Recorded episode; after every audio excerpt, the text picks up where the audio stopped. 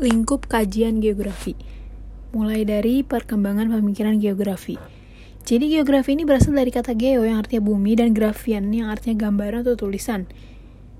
Terus ada tiga perkembangan pemikiran ilmu geografi. Yang pertama, determinisme. Jadi paham ini adalah paham bahwa seluruh kehidupan dan aktivitas manusia dipengaruhi oleh alam.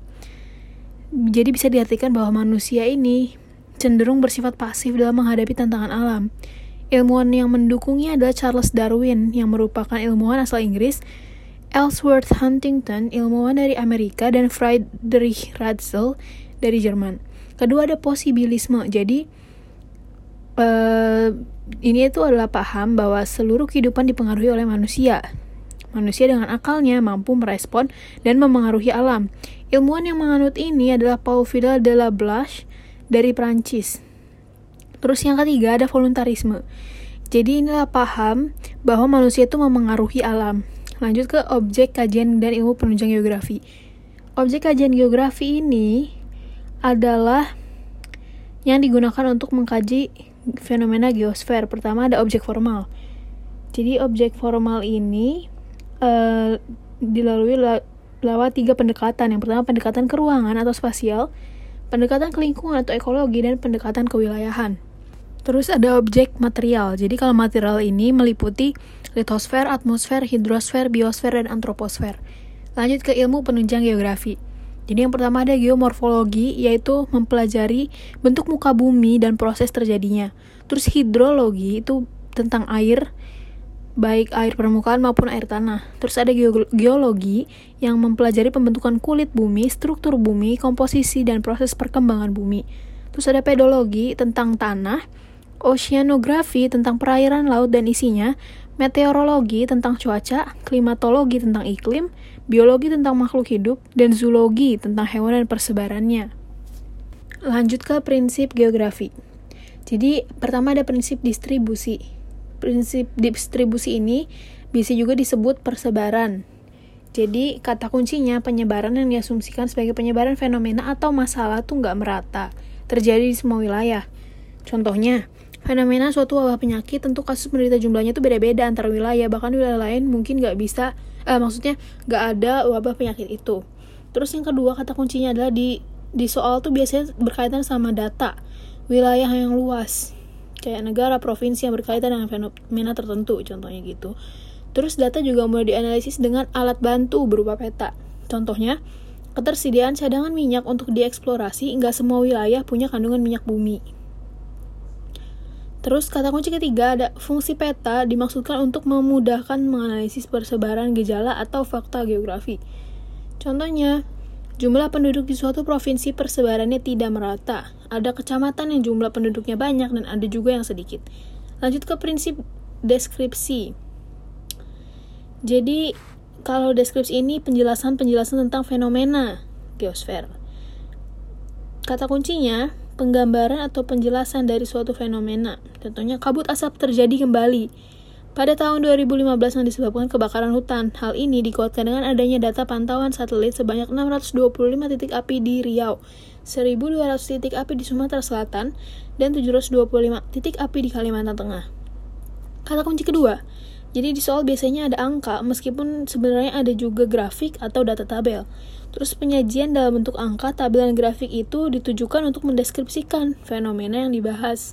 Contohnya, kabut asap menyebabkan kualitas udara memburuk di Sumatera Selatan dan Riau. Kualitas udara yang buruk mengakibatkan 25 bayi dan 15 orang dewasa meninggal, serta 255 di sekolah diliburkan.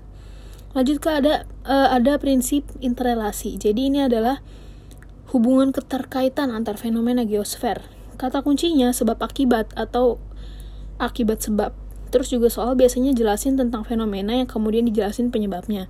Contohnya, kabut asap akibat uh, kabut asap ini akibatnya yang terjadi di Sumatera terus dibahas penyebab asapnya yaitu pembakaran hutan skala besar.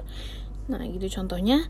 Kabut asap yang terjadi di Sumatera, Malaysia, dan Singapura disebabkan oleh pembakaran hutan pada area lahan yang luas. Kedua, contohnya, Pembakaran hutan di beberapa provinsi ditujukan untuk membuka lahan sawit baru. Hal tersebut disebabkan oleh banyaknya permintaan minyak goreng karena jumlah penduduk yang terus meningkat. Terus ada prinsip korologi. Jadi ini tuh secara menyeluruh dengan memadukan prinsip distribusi, deskripsi, dan interrelasi. Kata kuncinya ya gabungan, terus komprehensif atau menyeluruh. Dan umumnya soal ini menyebutkan bencana atau gejala alam disebutin wilayahnya, terus ada data angka persentase, persentase, terus ada jelasin sebab akibat terjadinya. Contoh, kabut asap yang terjadi di tahun 2015 disebabkan oleh kebakaran hutan. Berdasarkan pantauan satelit terdapat 625 titik api di Riau, 1200 titik api di Sumatera Selatan, 725 titik api di Kalimantan Tengah. Kabut asap menyebabkan kualitas udara memburuk di Sumatera Selatan dan Riau. Kualitas udara yang buruk mengakibatkan sekian bayi dan sekian orang dewasa meninggal.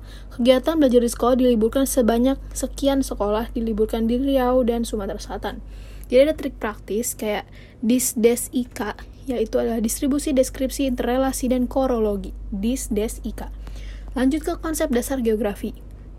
Yang pertama ada konsep lokasi, berhubungan dengan tempat tertentu. Ya, terus juga konsep loka lokasi ini dibedain jadi dua, yaitu lokasi absolut dan relatif. Terus ada konsep jarak. Jadi adalah perbedaan jauh atau dekat dua objek yang akan mempengaruhi aspek lain. Terus ada konsep keterjangkauan, jadi kemudahan atau ketersediaan sarana dan prasarana. Terus kalau konsep pola itu adalah susunan keruangan yang terbentuk. Jadi kayak pola pemukiman, pola migrasi, pola tanam gitu contohnya. Terus ada konsep morfologi, jadi ini adalah bentuk-bentuk di permukaan bumi.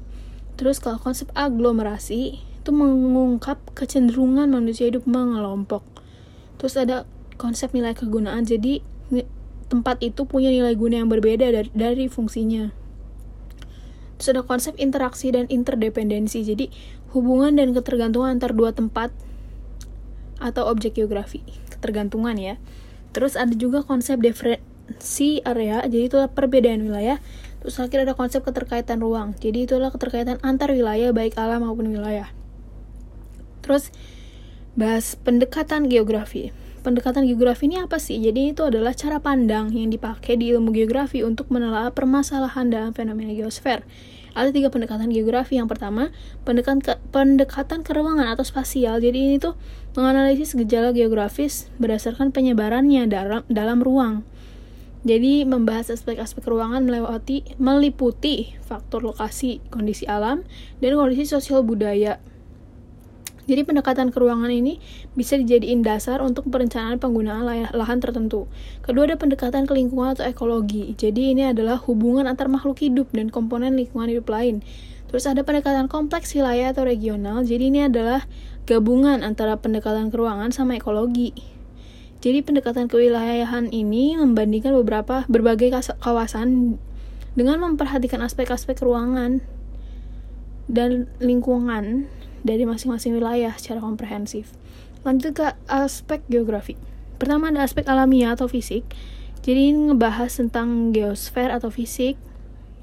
Contohnya letak atau lokasi suatu wilayah, bentuk muka bumi, luas wilayah dan batas-batas wilayah. Yang ciri-cirinya khas gitu. Terus terkait dengan litosfer, pedosfer, hidrosfer, atmosfer, dan biosfer. Terus ada aspek sosial atau yaitu manusia gitu. Jadi ini tuh berkaitan sama antroposfer atau manusia dari segi karakteristik perilaku. Terus meliputi fenomena sosial, contohnya adat istiadat dan lembaga sosial. Terus kalau ekonomi e, meliputi kayak pertanian, industri, perdagangan dan interaksi. Terus ada budaya juga itu kayak agama, bahasa dan kesenian. Terus politik bisa batas negara dan pemerintahan. Udah gitu aja materinya. Selesai.